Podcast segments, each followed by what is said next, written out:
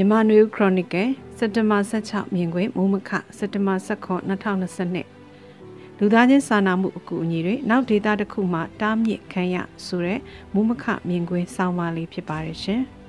2019ခုနှစ်နောက်ပိုင်းတိုက်ပွဲတွေကြောင့်မိမိတို့နေအိမ်ကိုထားရခဲ့ပြီးကျွရွာတရွာမှာဖြစ်စေတိုက်ပွဲနဲ့လူကင်းရဒေတာတစ်ခုခုမှာခိုးလုံနေကြရသူတွေနေထိုင်ရာကျွရွာမိရှုဖျက်ဆီးခံရပြီးနေစရာမရှိလို့ဖုံတော်ကြီးကြောင့်ယာယီဒုက္ခတဲ့စခန်းမှာ နှစ်နဲ့ချီနေထိုင်နေကြရတဲ့ဒုက္ခရောက်နေသူတွေထံအကူအညီပေးနေတဲ့ကုလသမဂ္ဂနဲ့အခြားသောနိုင်ငံတကာအကူအညီပေးရေးအဖွဲ့တွေကိုရခိုင်ပြည်နယ်6မြို့နယ်မှာအကူအညီပေးမှုရပ်ဆိုင်းထားဖို့စစ်ကောင်စီကမိတ်ညွှန်ကြားချက်ထုတ်ပြန်လိုက်ပါတယ်။အေးလက်နက်ကင်အဖွဲ့နဲ့စစ်ကောင်စီတပ်တွေကြားတနင်္နီပါတိုက်ခိုက်မှုတွေမရှိသလောက်နေပါခဲ့ပြီးနောက်မကြခင်လပိုင်းတွေကစလို့တိုက်ခိုက်မှုတွေပြန်လည်စတင်လာပြီးလက်တလုံးမှာတော့တိုက်ပွဲတွေအရှိန်ပြင်းမြင့်လာတာ လက်နက်ကိုင်းတိုက်ပွဲဖြစ်ပွားနေတဲ့မြို့နယ်6မြို့နယ်မှာလူသားချင်းစာနာမှုအကူအညီပေးနေတာတွေကိုပါရပ်ဆိုင်းဖို့စစ်ကောင်စီကအမိန့်ပေးလိုက်တဲ့သဘောဖြစ်ပါတယ်။ကုလသမဂ္ဂနဲ့ ICRC လိုနိုင်ငံတကာလူသားချင်းစာနာမှုအကူအညီပေးရေးအဖွဲ့တွေကိုတားမြစ်ခြင်းဟာတစ်ဖက်လက်နက်ကိုင်းတပ်တွေကိုရိတ်ခါနဲ့စေဝါတွေမရောက်ရှိဖို့ဆိုတဲ့ရည်ရွယ်ချက်တစ်ခုဖြစ်ပြီးလက်တွေ့မှာတော့အဲ့ဒီဒေသတွေမှာနေထိုင်နေကြရတဲ့စစ်ဘေးရှောင်နေရတဲ့ဒုက္ခတဲ့အရက်သားတွေအားလုံးပိုပြီးခက်အခက်အကျက်တဲနဲ့ရင်ဆိုင်ကြရမယ့်အခြေအနေဖြစ်ပါတယ်။ မြန်မာနိုင်ငံပြည်တွင်းစစ်ဖြစ်ပွားခဲ့တဲ့သမိုင်းတခြားဖြက်လေးပြက်လို့ခေါ်တဲ့ရိတ်ခါဆက်အသွဲငွေကြေးနဲ့လူသစ်စုဆောင်းမှုဖျက်တောက်တဲ့နေပြူဟာကိုသုံးခဲ့တာဖြစ်ပေမဲ့ပြည်တွင်းစစ်ပွဲတွေမှာတိုင်းသားလက်နက်ကိုင်တွေကိုအမြင့်ပြတ်အောင်ချေမှုန်းနိုင်ခြင်းမရှိဘဲဆိုပါဒေသတွေမှာနေထိုင်နေကြရတဲ့လူထုဖို့သာလက်ဆက်ဒေသတွေကစစ်ပေးရှောင်စခန်းတွေမှာဆယ်စုနှစ်ချီနေထိုင်ကြရတာတွေရိတ်ခါဈေးဝါကိုဈေးကြီးပေးပြီးဝယ်စားကြရတာတွေရိတ်ခါမလုံလောက်လို့ဈေးဝါမကုသနိုင်လို့ အသက်ဆုံးရှုံးကြရတဲ့အဖြစ်အပျက်တွေဖြစ်ပျက်ခဲ့တဲ့နောက်ကျောင်းတွေရှိခဲ့ပါတယ်။ခုတစ်ပတ်ရခိုင်ပြည်နယ်မှာအေးအေးအဖွဲ့အင်အားကြီးမားလာတာစီးအင်အားတွေမကားပဲစစ်မြိုင်အုပ်ချုပ်ရေးနဲ့တရားစီရင်ရေးအခွန်ကောက်ခံရေးတို့ကပါလှုံ့ဆော်လာတဲ့နောက်စစ်ကောင်စီနေနဲ့ပြည်မနဲ့အခြားပြည်နယ်တချို့မှာ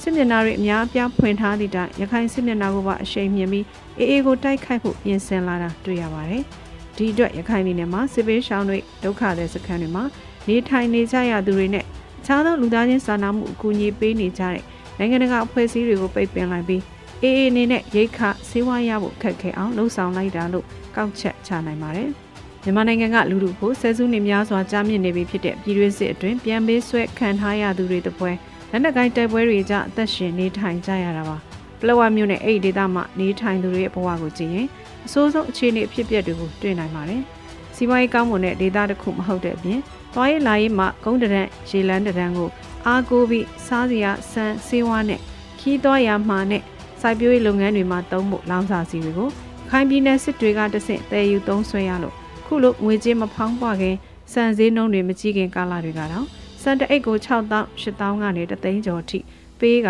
ဝယ်ယူနေကြရတာတွေ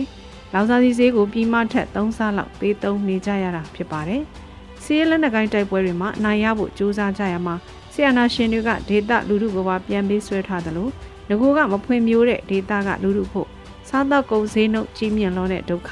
ဈေးဝါးဈေးကြီးမြင့်လွန်းတဲ့ဒုက္ခတွေကိုပါခါးစီခံကြရတာဖြစ်ပါတယ်